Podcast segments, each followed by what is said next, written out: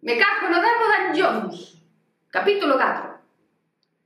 Diante da porta volvín a ter aquel medo ridículo de que as cousas volveran á normalidade no impas de ir a buscar axuda aumentado co de levar un descoñecido á casa cunha excusa que podería ser falsa.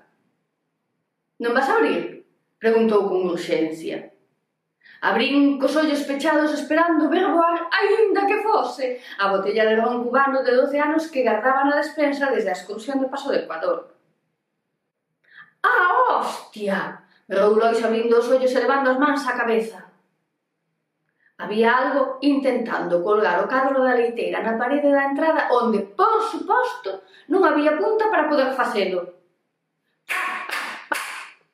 O cabrón vai no romper. Dixen deixando as chaves na porta e agarrando o cadro. Esperaba notar unha forza invisible. O de invisible era obvio. Se a vise, non habería historia. Se fose a fantasma de que sei eu, Paul Newman de novo, claro, pois unha tomaba o de outra maneira. Que necesidade ia ter de botalo fora? Pero non, en canto collín o cadro quedou libre nas miñas manos e as chaves corretearon cara á cociña dando chimpos de felicidade como se o corredor se tratase dun campo de margaridas. Flipo, colega, exclamou Lois ca boca aberta. Toda a vida esperando algo así, dicía mentras tanteaba o aire esperando tocar algo. Foi detrás das chaves e na cociña sentou nunha cadeira para mirar como a presencia choqueleaba unha culler dentro dun cazolo de barro que teñe para as ensaladas. E que lle dá un toque así como máis de corpo, menos de erva. Sinaron de camán que sentara o seu carón. Así, nun primeiro diagnóstico diríache que é un trasno. Tiveno que mirar mal. Iso xa mo contara a da tenda máxica senón de que ia ir eu a Facultade de Ciencias Misteriosas buscar o departamento de trasnos e criaturas asimiladas. Joder, vale, podía ser un duende, un demo, unha ninfa, un elfo. Claro, e se eu fose Brancaneves, seríamos sete ananiños, dixen con sorna. Teño que ir polo instrumental para facer máis probas. Deus, que emocionante! Este é o día máis importante da miña vida. Dixo, mentras me daba un par de bicos efusivos, castos, moi castos. Marchou correndo deixándome co trasno na batería que me ia reventar a cabeza, ou os tímpanos cando menos. Non lle levou máis de 15 minutos volver cun maletín de bandoleira de deseño que lle daba aire de intelectual interesante. Pousou uno nunha cadeira e estendeu unha serie de cousas arriba da mesa. Pediu un ladrón e enchufou catro dos aparellos que traía. Ao sentir a corrente, dous deles comezaron a emitir luces, un unha columna de luz verde, outro un arco da vella, non en forma de arco, senón unha serie de cores intermitentes como o frontal dun kit colorido. Son para situar en que espectro nos estamos movendo, campo cidade, auga terra lume, traballadores festeiros, felicidade, amor, e así. Explicou con pinta de saber o que dicía. En cuestión de segundos, o trasno batería deixou de tocar as cazolas e fíxose un silencio só anuxado polo zoar eléctrico do despregue científico. De súpeto, a columna de luz parou como se lle sentasen en riba e despois interrompeuse intermitentemente como se o demo do trasno a estivese saltando a modo de cachela de San Xuan. Mirei a Lois a ver que tal cartiña. Ninguna cousa nin outra. Anotaba cousas nun caderno pequeno que sacara do peto da cazadora en canto a orquesta calou. Ao pouco, o aparello cas luces de cores comezou a escintilar poñéndose en cor verde, apagando, en cor azul, apagándose, en cor amarela, e así durante un bo anaco. E durante outro bo anaco, o trasno pasou por todos os aparellos como se estivese nun parque de atraccións. Despois, por todos xuntos, e despois... Ha! Un berro dunha voz indefinida a un volumen enxordecedor.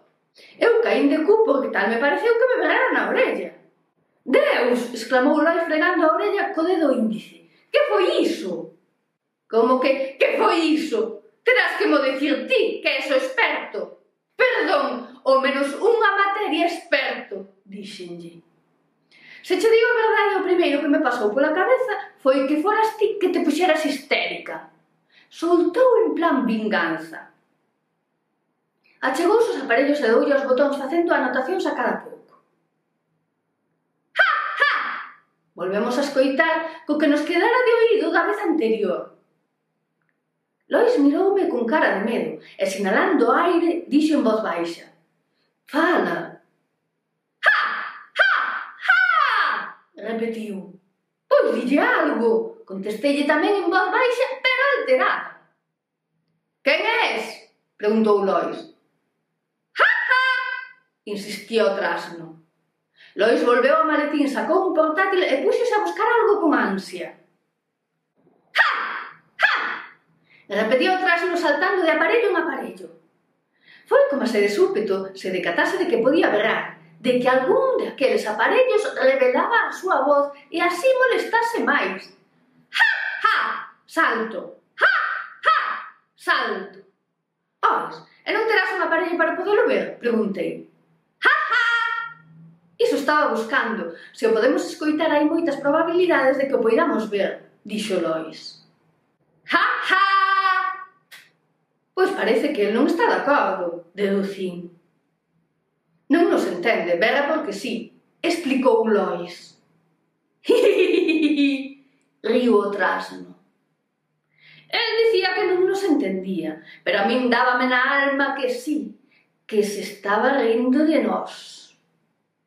Lola rematou de ler o que estaba lendo no portátil. Pechouno e gardouno no maletín. Despois comezou a apagar todos os aparellos, desenchufounos, recolleu os cables e meteu todo no maletín.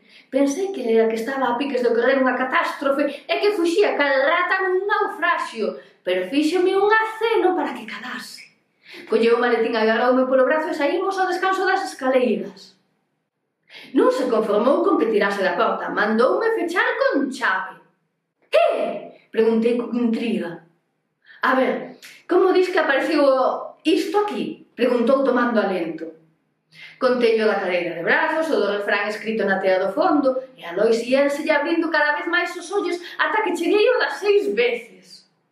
Nese punto arrimouse a parede e foise deslizando ata chegar ao chan e sentar nas escaleiras. Que? é? Volvín preguntar. Estrecouse a lentes do chan até alcanzar o seu maletín, abriuno, sacou os aparellos de novo, estendeunos polo chan, sacou tamén o ordenador, abriuno, prendiuno, buscou e ensinou. Na pantalla había un documento de texto, baixou co cruzar ata que apareceu o titular. Demolian Jones! Debaixo del había un texto longo escrito cunha letra miúda que case non daba lido, non polo tamaño, senón porque se me nubrara a vista ao ler a palabra Demo!